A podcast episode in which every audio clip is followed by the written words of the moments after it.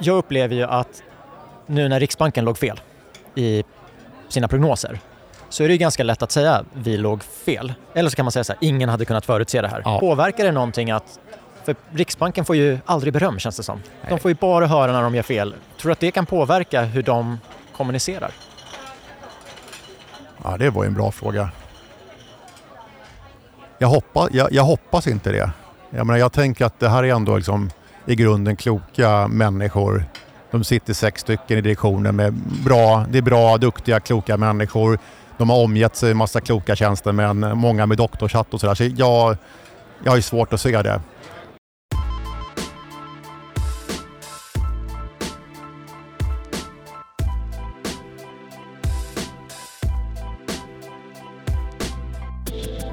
För två veckor sedan meddelade Sveriges riksbank att styrräntan i Sverige skulle höjas med en procentenhet till 1,75.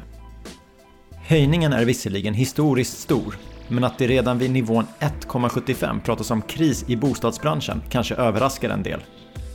Är bostadsmarknaden så känslig? Eller är det en rädsla för vad som kan komma härnäst som gör att det redan pratas om kris? Jag kan sitta här och gissa, men för att få en större förståelse bjöd jag in en person som arbetar med det här dagligen. Han har en bakgrund på Riksbanken, Finansinspektionen och Finansdepartementet och idag är han chefsekonom på SBAB. Låt mig presentera Robert Boye.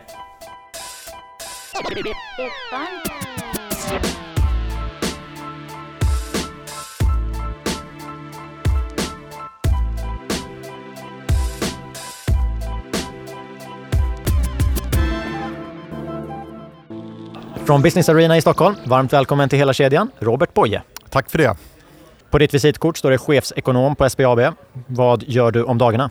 Ja, eh, en normal arbetsdag loggar jag in på huvudkontoret i Solna eh, klockan sju eh, och börjar läsa tre stycken dagstidningar. Dagens Industri, Dagens, Dagens Nyheter och Svenska Dagbladet. Mest ekonomisidorna, lite ledare och lite politik och sådär.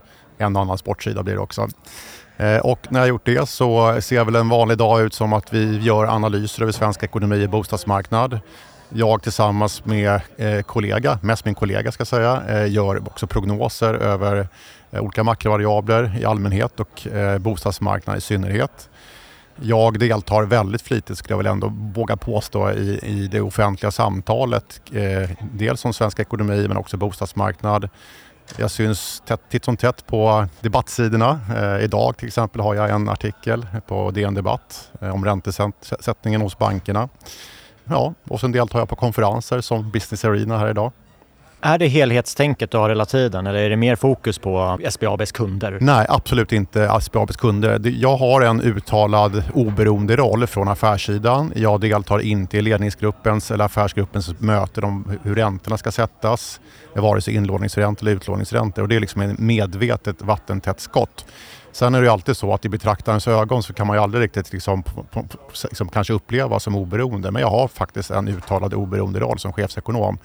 Om jag inte skulle ha det, då skulle inte det som jag går ut och säger upplevas som eh, vad ska jag säga, oberoende och trovärdigt. Så det är viktigt att man håller den rågången. Du har en bakgrund på både Riksbanken och Finansinspektionen. Ja. Hur hjälper det dig i din roll idag? Ja, jag har även jobbat på Finansdepartementet under många år. Jag skulle säga att alla de här tre ställena har gett mig en ovärderlig grund att stå på när det gäller just att analysera svensk eh, ekonomi i allmänhet och bostadsmarknad i synnerhet. Det är liksom en otroligt värdefull erfarenhet att ha med sig. Jag har följt dig sedan 2018. Då började jag följa dig, läsa din blogg eh, och så hålla utkik när du är med på debattsidor och sånt. Ja. Min bild är att när jag läser dina texter så är du oftare oense med Riksbanken och Finansinspektionen. Har jag rätt och i så fall varför? Eh, Fokus i, bostadsmarknad. Ja, i de frågor då som jag har varit ute med så har jag kanske, menar, det blivit så kanske att jag profilerat mig i vissa frågor där jag har uppfattats vara eh, oense. Eh, men eh, poängen här är ju att eh, oense kan låta som att det är liksom en värderingsfråga, att man tycker saker och ting. Min, min vad ska jag säga, en, en viktig fana som jag har försökt hålla högt här i, i den här analysen och även när jag deltagit på debattsidorna är att hänvisa till vad forskning och annat säger och ekonomiska analyser i de här frågorna som jag har debatterat. Och det som jag har saknat rätt mycket från Finansinspektionen och Riksbanken i de här frågorna det är att man inte förhåller sig ordentligt till den forskning som ändå finns. Visst, ibland kan det vara bra att tillämpa försiktighetsprinciper och kanske i vissa fall styra lite på magkänsla. Men jag tycker det ett rimligt krav man kan ha på myndigheter som Finansinspektionen och Riksbanken det är att man då ska förhålla sig till befintlig forskning och sen motivera att, att, varför man avviker från vad forskningen säger. Men det senare har man inte gjort. Men är alla forskare överens? För ibland så finns det ju en rapport som säger A och en annan som säger B. Och så Nej. kan man välja vilken man förhåller sig till. Absolut, och det är det som är också min poäng. Eh, eh, Riksbanken och Finansinspektionen är ganska duktiga på att hänvisa till viss forskning. Men, eh, men man ska ju hänvisa till all forskning, eller åtminstone lägga fram forskning. Vad säger forskningen på saklig grund? Och här menar jag att man har haft en bias i att man, när det har passat budskapet, ja, då hänvisar man gärna till relevant forskningslitteratur. Men när det inte passar budskapet, då gör man inte det. Och det tycker jag är, det är inte bra. Vi sitter här i september 2022 och jag har en ganska öppen fråga eh, som, som inledning och det är din syn på bostadsmarknaden i Sverige. Ja. Och jag kan förstå, det finns många faktorer, den kanske ser olika ut beroende på vart i landet man befinner sig. Du får välja inriktning och så tar vi det därifrån. Oj, ja, men det är ju mycket som händer nu eh, och det har hänt väldigt mycket på kort tid som radikalt har förändrat bilden. Eh, du, du frågade om, om vi var oense, jag i Finansinspektionen och Riksbanken. Jag menar, vi var ganska överens om bara för sig ett år sedan, både jag, Finansinspektionen och Riksbanken, att det troligtvis skulle vara så att räntorna och inflationen skulle vara fortsatt låg eh, under många år framöver. Och vi fick alla tre radikalt fel och även andra prognosmakare.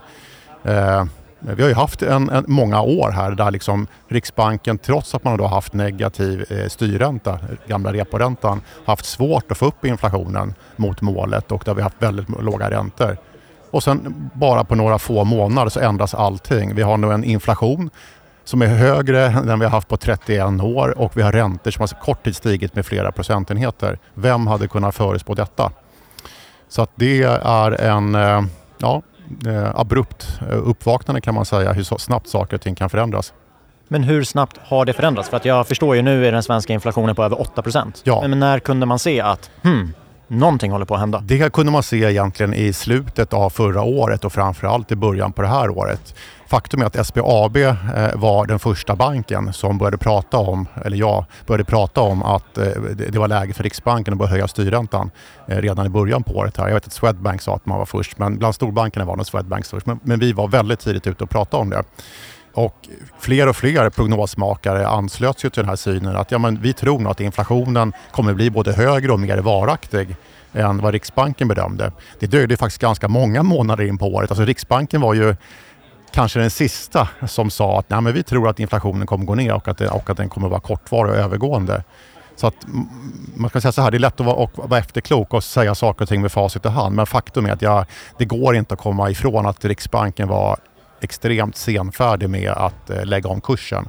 Och hade man inte varit så senfärdig då hade man inte behövt tagit i lika mycket som nu när man igår meddelade att man skulle höja styrräntan med en hel procentenhet. Det var ni överens om för ett år sedan att inflationen och räntan de kommer stanna på den här nivån. Nu blev det ju inte så. Men Nej. vad, vad, vad ser du mer när du kollar på den svenska bostadsmarknaden?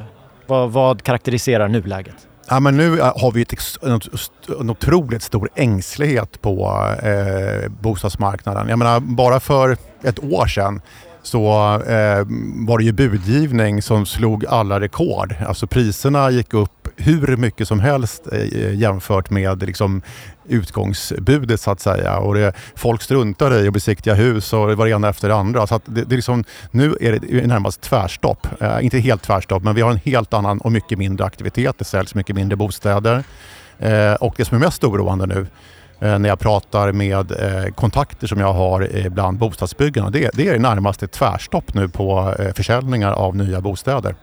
För det snappar man ju upp om man läser dina texter att bostadspriser fortsätter falla och bostadsbyggandet tvärnitar. Ja. Jag tror en nedgång på 40 procent var för några veckor sedan.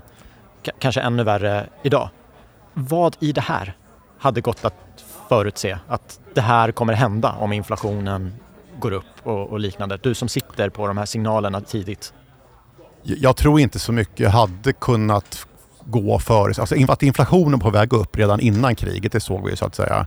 Så att, och de flesta trodde ju ändå att långräntorna och även styrräntan skulle höjas. Och det här tror jag alltså både bostadsägare, bostadsköpare och bostadsbyggare hade tagit höjd för. Det man inte har tagit höjd för det är konsekvenserna av kriget eh, mellan Ryssland och Ukraina. Vi hade aldrig kunnat förutspå att inflationen och räntorna skulle gå upp så mycket som de har gjort nu. Så det tror jag liksom hur, hur, man än backar bandet och gör om analysen så hade det liksom med rimliga prognosmodeller varit omöjligt tror jag att, att eh, fånga in. Eh, så att där tror jag liksom, det är liksom snarare lätt att vara efterklok. Eh, vi behöver ju nya bostäder. Eh, och klart i en miljö där bostadspriserna har stigit så mycket som de har gjort under många år, ja då skapar det förstås incitament till att bygga nya bostäder. Och där har ju för övrigt även Finansinspektionen och Riksbanken väldigt noga sagt att vi behöver bygga fler bostäder för att få, en mer, alltså få, få, få dämpa liksom de höga bostadspriserna. Eh, men samtidigt så eh, i den andra vågskålen då så har ju Finansinspektionen och Riksbanken sagt att det är ett problem med hushållens höga skulder. Ja men det är klart, ska man bygga nya bostäder ja då kommer det öka skulderna också totalt sett i ekonomin. Från bostadsbyggarbranschen, men man kunde ju se under pandemin att logistikkedjorna funkar inte. Ja. Visst, det blir brist på material och det blir dyrare, men då tänker man ju att ja, fast när pandemin är över så kommer ju det här repa sig. Ja. Med energin, så om jag förstått det rätt, så började Ryssland strypa kranen redan före kriget. Alltså ja. höst, förra hösten ja. började man strypa.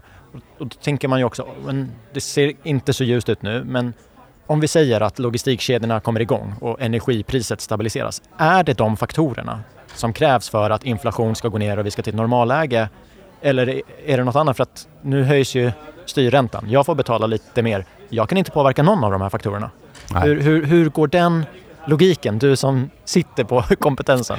Jag tror tyvärr att om vi ska få en rejäl lindring i den situation vi har hamnat i så krävs det att kriget tar slut mellan Ryssland och Ukraina. Däremot är det ju så att även om det inte sker så att säga så kommer ju ändå inflationen droppa av. Man måste skilja på prisnivå eh, och inflation. Vi har haft en kraftig inflation och priserna har gått upp kraftigt. Eh, men om inte, om inte priserna går upp mer, då kommer ju inflationen falla tillbaka. Sen kommer det fortfarande vara kämpigt för många hushåll med den högre prisnivån så att säga.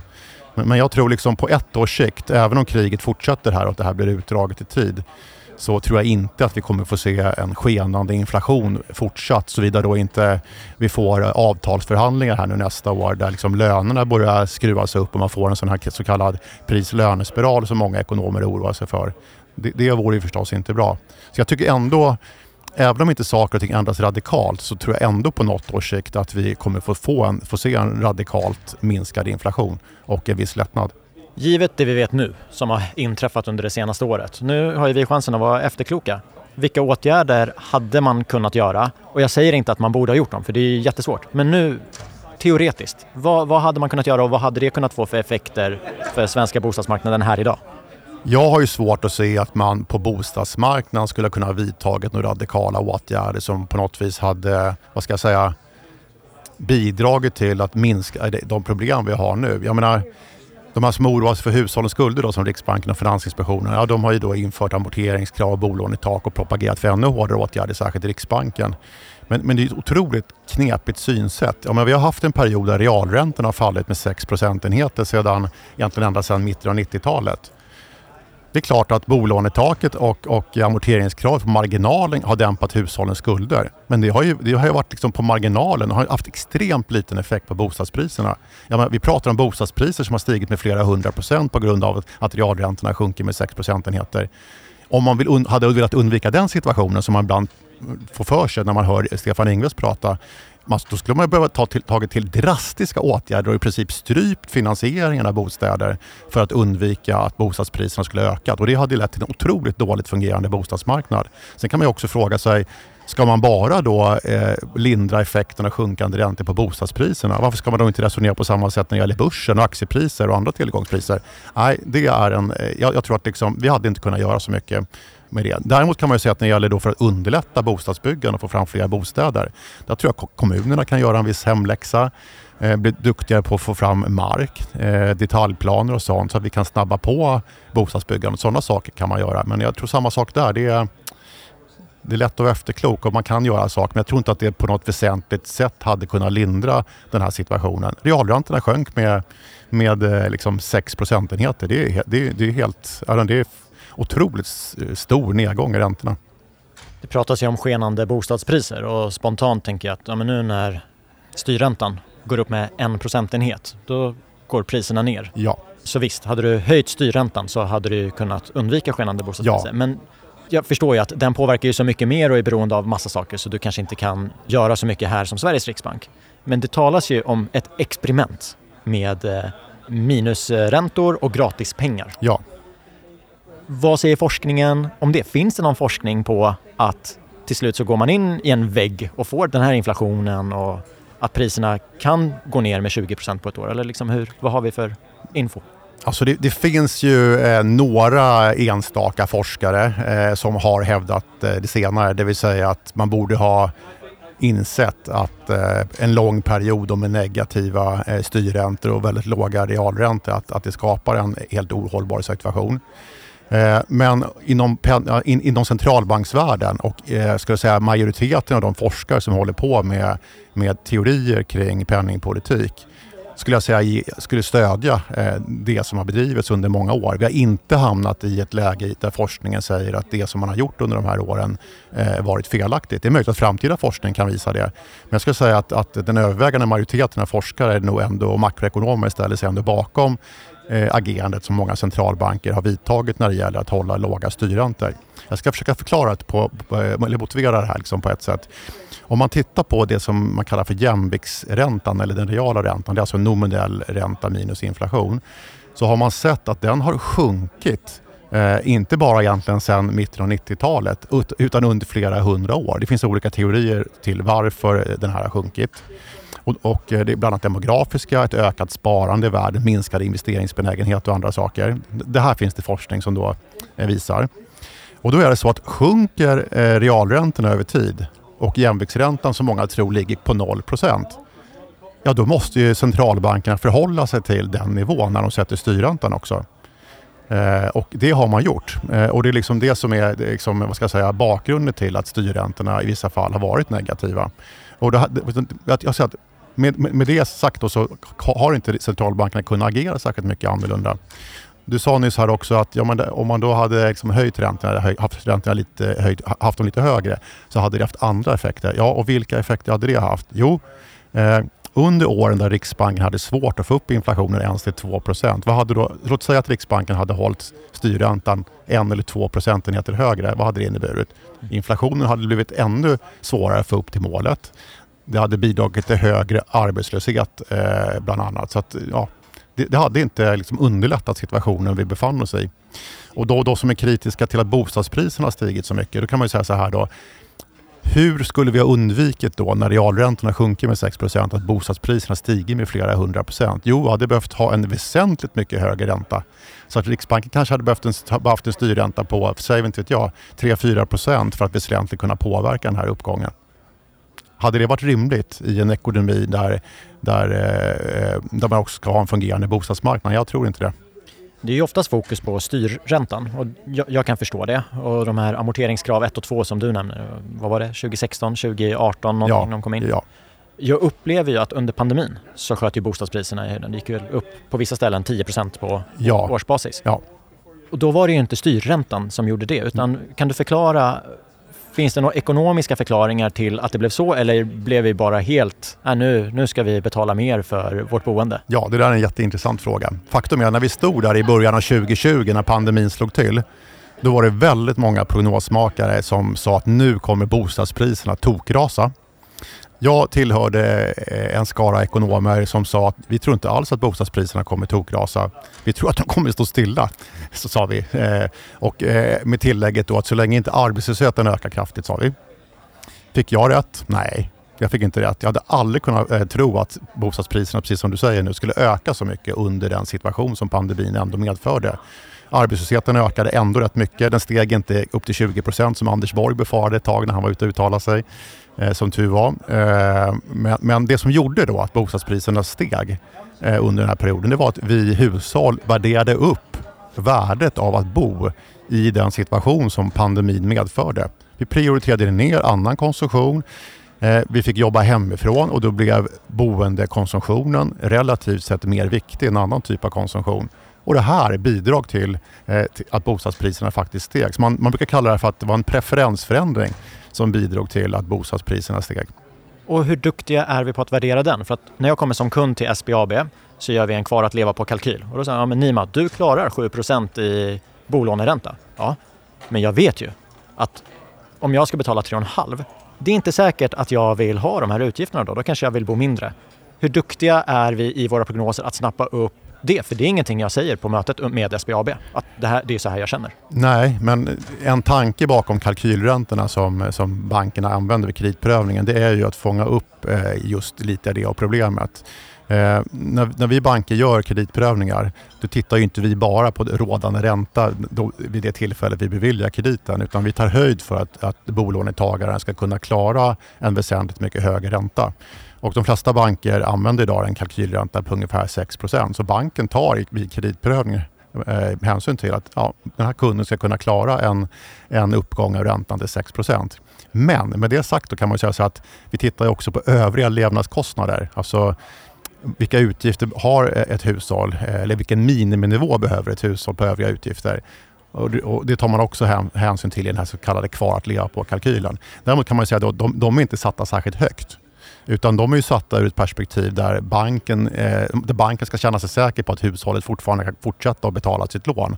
Däremot kan det betyda rätt mycket för hushållet i en sån här situation då utgifterna ökar. Man får dra ner helt enkelt på annan konsumtion.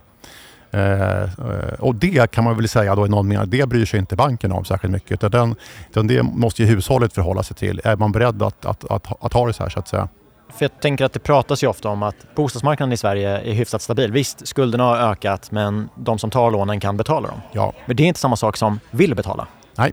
Och det kan ju också få effekter för att om jag ska betala tre gånger så mycket i år jämfört med förra året, då kommer jag vara lite surare varje dag det kommer påverka mina köpmönster. Absolut. Absolut. Men det kan ju också komma till den grad där jag känner att jag, jag, vill inte, jag vill inte ha de här boendekostnaderna. Boende ska inte kosta mer än 25 procent av Nej. det jag tjänar. Nej. Och det undrar jag, pratar vi lite om olika saker? Är det det som eh, Finansinspektionen kanske tar i sin eh, prognos. Alltså det, vi. Mm, det, det, som Riksbanken och Finansinspektionen då är rädda för och det och är ett skäl till varför man har infört bland annat amorteringskraven. Det är just att om man hamnar i en lågkonjunktur eller i en, i en, i en situation där räntan går upp kraftigt, då är man då rädd att hushållen ska dra ner på konsumtionen kraftigt och att man då får en mer förvärrad kris än vad man annars hade behövt ha.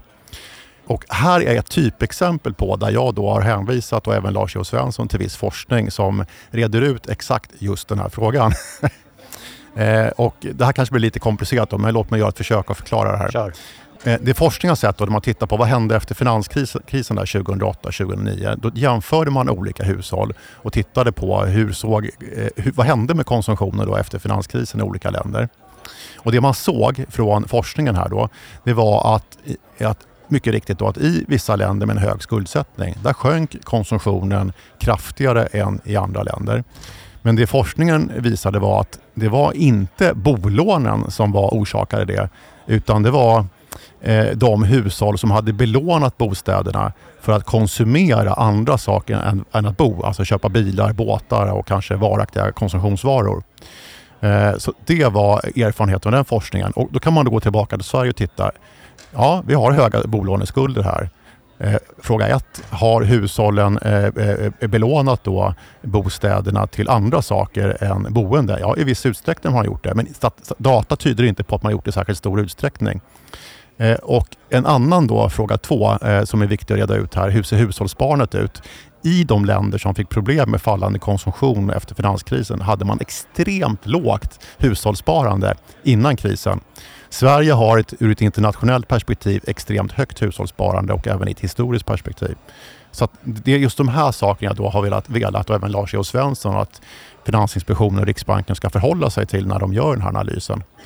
Jag hör ju bostadsbrist med jämna mellanrum framföras från olika personer. Och jag hör också att det är ett problem och att vi måste stoppa de skenande bostadspriserna.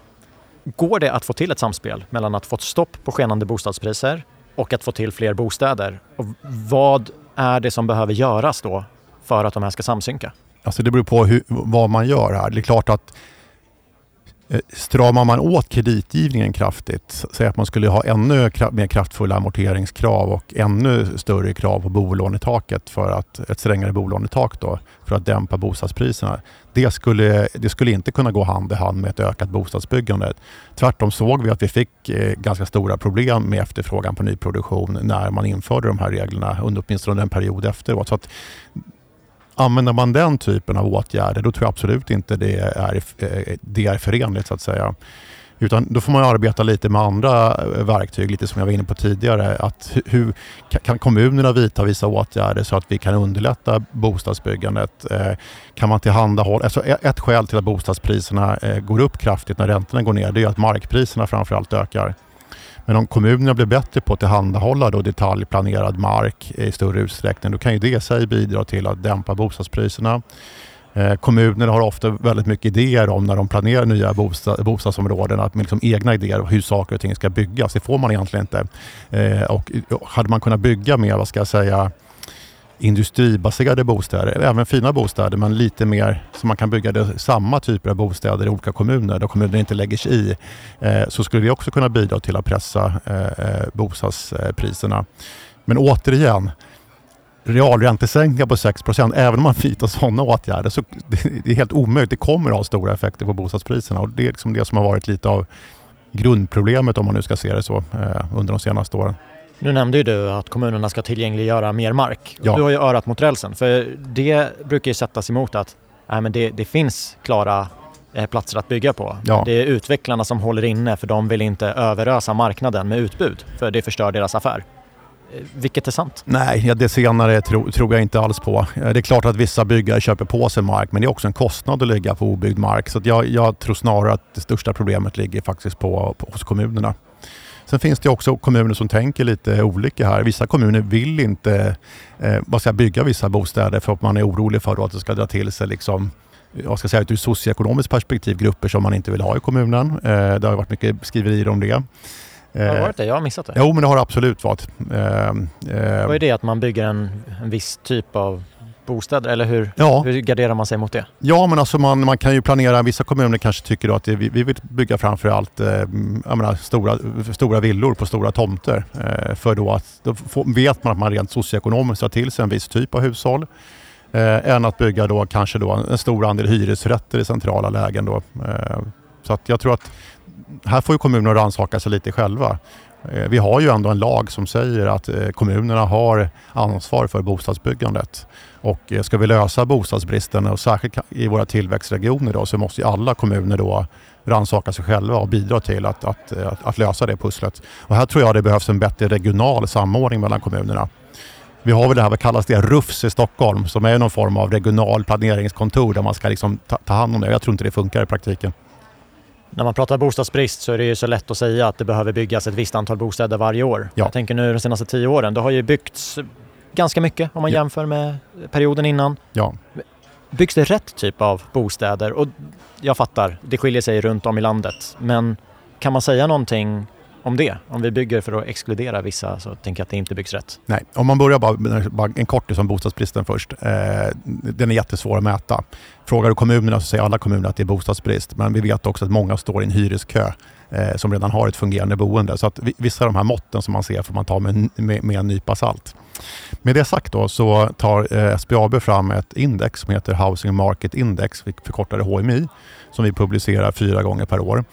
Och där, eh, ska vi se, det här är också lite tekniskt komplicerat, jag ska försöka förklara det, men där försöker vi ställa då eh, utbudet av nyproducerade bostäder, både hyresrätter, bostadsrätter eh, och villor, eh, ställa det mot eh, efterfrågan på de här tre upplåtelseformerna.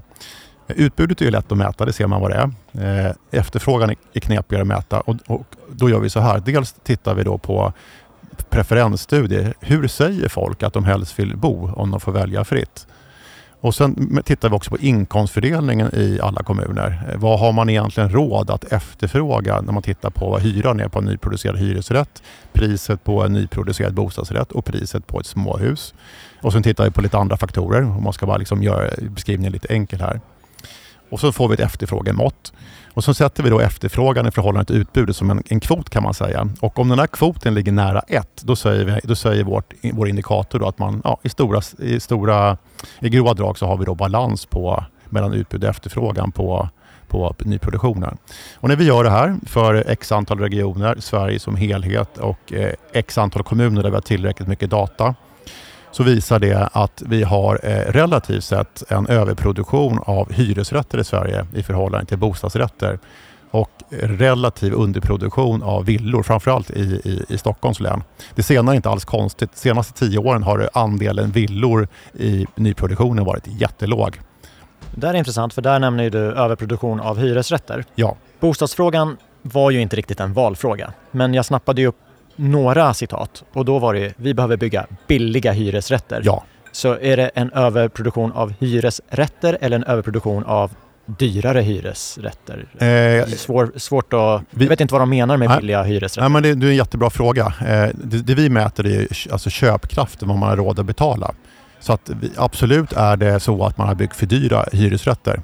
Så att eh, en lösning är ju att alltså det här måttet skulle ju, skulle ju sjunka Eh, alltså överskottsmåttet skulle ju sjunka, sjunka om man i större utsträckning hade kunnat bygga lite billigare hyresrätter.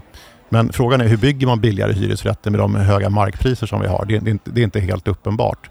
Men det finns också, tycker jag, en felaktig syn i hela den politiska debatten. Jag ska, ska inte nämna vilka som jag tycker har det, men det, även om det är rätt uppenbart. Eh, att, att, att hyresrätten ska lösa alla problem. Faktum är att man ska inte underskatta betydelsen av vad en äganderätt kan betyda. Det finns ju forskning som visar, jag gillar då att hänvisa till forskning som vanligt, som visar att, att eh, i eh, områden där man har haft, eh, vad ska jag säga, en större andel socioekonomiskt svaga grupper och där man har fått möjlighet att kunna köpa, alltså köpa ut sin hyresrätt. Så har de som har kunnat köpa ut sin hyresrätt sen när man har följt dem över tid haft en mer gynnsam utveckling över tid i flera avseenden. Bland annat ekonomiskt, utbildningsmässigt och sådana saker än de som inte har fått chansen att göra det. Så jag tycker när man diskuterar den här frågan, då bör man liksom diskutera den här ur liksom ett bredare hållbarhetsperspektiv. Man väger in sådana saker. Så att jag, jag, tycker att den är, tenderar till att bli lite ensidig, eh, den här debatten om, om, om eh, bostadsbristen och hur, hur man bäst löser den. Det finns ju andra länder, då räknas ju hyresrätten som instegsboendet. Den ska vara lättillgänglig, du, du, kommer betala lite mer än om du hade köpt en bostadsrätt, om du kan köpa en bostadsrätt och med lån och sånt. Men ja. den ger ju dig en frihet för du ja. kan välja att flytta ut. Ja, jag upplever ju inte riktigt att det är så i Sverige just nu. Tvärtom är det, Nej. det var jättelånga kötider. Skiljer sig Sverige om vi jämför med våra grannländer? Och varför har det blivit så? Ja, om man ska ha en modell där hyresrätten just ska ses, ses som ett in, alltså instegsboende som du säger. Hur, hur ska en sån modell vara förenlig med en modell där, där man måste stå 20, 25, 30 år i kö till en, till en hyresrätt? Det, det går ju liksom inte. Eh, det finns ju länder som har fri hyressättning Eh, och där kan man ju då hitta lägenheter, även om de kanske, kanske är dyra i centrala lägen, som kan fungera som en instegsbostad eh, så att säga. Eh, men vi har också haft en lång debatt i Sverige om att när, man, när, vi har byggt fast oss i ett system med hyresförhandlingar, att gå från en sån modell till att införa liksom marknadshyror, det, det är liksom inte helt okomplicerat. Finland har en intressant modell. De gjorde ju en stor reform för många år sedan av sin bostadsmarknad. Man, dels har man förstås som Sverige en vanlig ägarmarknad. Men sen har man en tudelad hyresmarknad där man har på en del eh, fria hyror och på en del eh, inte fria hyror. Och vad jag förstår så funkar den modellen ganska bra. Hur väljer man vilken del som är vilken? Alltså jag, jag är inte detalj på, liksom påläst på den modellen men jag, jag, tror att för att en sån modell ska fungera så kan det inte vara så att de, eh, de eh, hyresrätter som det inte är fri, eh, fritt marknadspris på att de ligger i vissa liksom, utsatta områden och sånt. Så det är viktigt tror jag att man ska, för att man ska få en sån modell att fungera att man då kan ha de här, de här hyresrätterna då sida vid sida och i samma områden. Det tror jag att jag tycker åtminstone att det är en modell som man bör titta på om det skulle kunna fungera eh, i en svensk kontext också. Givet de förutsättningar som finns idag, om man vill öka bostadsbyggandet eller bygga rätt typ av bostäder, sen om det är billiga hyresrätter eller vad det är. Vart sitter nycklarna? Du var inne på att ja, billiga hyresrätter det förutsätter ju att kommunen sänker priset på, på marken. Eh, är det där vi börjar eller finns det fler som kan göra saker? Frågan är ju rätt komplicerad. Det finns ju EU-lagstiftning som säger att eh, kommunen får inte eh, differentiera när det gäller markpriserna i byggandet av olika eh, boendeformer. Så man kan inte, bara för att man säljer hyresrätter eller tar ta, ta fram mark till hyresrätter, man får inte sälja den marken billigare än en, en, till en, än en som vill bygga bostadsrätter på marken. Men nu har ju kommunerna lite kringgått den här lagen genom att när de bygger hyresrätter istället upplåta marken med tomträtt. Men i praktiken är det där en knölig fråga hur man ska hantera det. Eh, utan jag tror liksom bara det faktum att man ökar tillgängligheten på, för mark för all typ av nyproduktion borde ju kunna bidra till att pressa eh, bos, eh, priserna på nyproduktionen oavsett om, vi, om det handlar om hyresrätter eller äganderätter. Riksbanken höjde styrräntan igår med en procentenhet och då stod det så här mycket mer kommer dina lån kosta och det var rätt tydligt för de som äger sitt boende. Ja. Hur påverkas hyresrätter? I det korta perspektivet kan man säga att hyresrätter förmodligen kommer påverkas i mycket, mycket mindre utsträckning än, än de, som bor, de som har bostadslån och bor i äganderätt, alltså bostadsrätt eller villa. Men det är klart att nu sätter, man, nu sätter sig parterna och förhandlar här om, om kommande hyror. Eh, och eh, förvaltningskostnaderna hos de som äger då de här fastigheterna har ju gått upp kraftigt nu på grund av den stigande inflationen. Och även kapitalkostnaderna. Men är det så att vi hamnar nu permanent på en mycket högre räntenivå än den vi har haft de senaste tio åren så kommer även kapitalkostnaderna att öka kraftigt. Så att det här kommer ju rimligtvis även spilla över i högre hyror framöver. Men i det korta perspektivet så kanske det inte slår igenom fullt ut men på lite sikt så borde det göra det också. Och, och, kort perspektiv, för jag tänker det finns släpeffekter. För med hyresförhandlingarna, som jag har förstått det, det är ju inte ens alla som har förhandlat klart årets hyra. Nej. Utan det kommer komma retroaktivt. Ja. Och med bolån så finns det olika bindningstider. Ja. När kommer det här börja synas i ja, på hyresavin eller i folks plånböcker? Jag fattar att för vissa syns det ju redan. Ja, jag vågar inte svara, när det gäller hyrorna så vågar jag inte svara på, på det. Eh, utan jag, det beror helt på hur, hur, liksom hur, var man landar i de här förhandlingarna. Eh, när det gäller äganderätterna så kommer det ju, menar, för alla med rörliga räntor så kommer det slå igenom på en gång. Så att vi har ju en mix av, jag menar, vissa, de som sitter med helt fasta räntor kanske hade, hade lite tur och band sina räntor sig på fem år när de stod väldigt lågt i höstas. Ja, där har man ju inte samma genomslag men där kanske man istället då ser eh, elpriserna gå upp kraftigt så att man kanske inte helt kommer undan även om man lyckades väl med räntebindningen. Jag kryssade i fel ruta där på den här blanketten. ja, det var otur. Ger man sig in på bostadsmarknaden ska man ta med värdeminskning i sin riskkalkyl och se till att man har marginaler för det. Det är ditt citat. Ja. Hur, hur stora marginaler från idag? Ja, det, det, är en jättebra fråga. Eh, jag, jag, tror att många, många som köpte bostäder här nu sista åren, de kanske levde i föreställningen att bostadspriserna alltid skulle fortsätta att stiga. Och många yngre kanske kommer in då liksom med, med det tänket, för de har ju inte sett någonting annat. Men jag tycker, anledningen till att jag sa det, det är att jag menar, man ska, kriser kommer och kriser går. Vi kommer eh, hamna i perioder där vi får prisfall eh, med jämna mellanrum. Även om priserna förmodligen eh, största delen av tiden kommer stiga eftersom eh, hushållens inkomster stiger. Det är en viktig drivande faktor bakom, bakom det så att säga. Eh, men jag tycker när man köper en bostad, så, och särskilt som förstagångsköpare, det är lätt att säga att ja, nu letar man efter sin drömbostad. Jag ska ha den här centralt belägna tvåan, kosta vad det kosta vill. Det tror jag är ett ganska dumt synsätt och särskilt i, i ett sånt här läge. Utan kanske bättre att köpa en etta till att börja med. Kanske inte ett centralt läge för att då klarar du av ett prisfall bättre än om du liksom spänner, spänner bågen till 100 liksom, och så står du där liksom med byxorna nere när, när, när priserna faller. Så det var väl egentligen det medskicket jag ville, ville göra lite med det här citatet. Hur funkar det på SBAB? Om jag har lånat 85% av bostadens värde och så blir det ett prisfall på 25-30% Ringer ja. SBAB mig? Nej, ba bankerna kommer inte ringa till en bolånetagare som har hamnat i den situationen. Eh, utan så länge låntagaren kan betala sina räntor och amorteringar så får det vara så. Eh, utan det blir mer ett, ett, ett personligt problem om, man, om, om, om den enskilde bostadsägaren eh, av något skäl skulle börja som flytta då är det klart att då kan man hamna i en extremt knepig situation och få en restskuld. Eh, och där vill man helst inte hamna. Några kommer säkert riskera att hamna i den situationen i, i dagsläget, även om jag tror att det är en ganska liten grupp. Inom kort kommer vi ha en ny riksbankschef, en ny chef för Finansinspektionen och förmodligen en ny regering. Ska vi avsluta med dina medskick?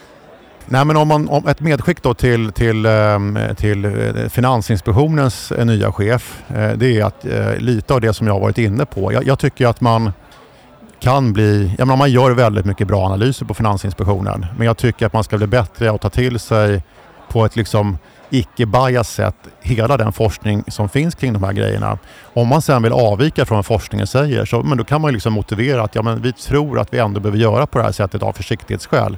Men att man ändå gör analysen ordentligt och lägger fram den och, inte döljer eh, forskning som inte passar budskapet. Så det är väl ett medskick jag skulle vilja ge till Finansinspektionen. Nu råkar det ju vara så att Finansinspektionens förra chef Erik Thedéen eh, har blivit riksbankschef. Eh, så att jag vill väl egentligen, jag menar, Eh, han vet ju vad jag tycker om de här sakerna så att jag skulle egentligen vilja ge honom samma budskap. Riksbanken håller ju på med två saker, penningpolitik och finansiell stabilitet. Och han kommer ju basa även för liksom de som håller på med finansiell stabilitet. Så att jag säger att jag ger samma medskick till honom.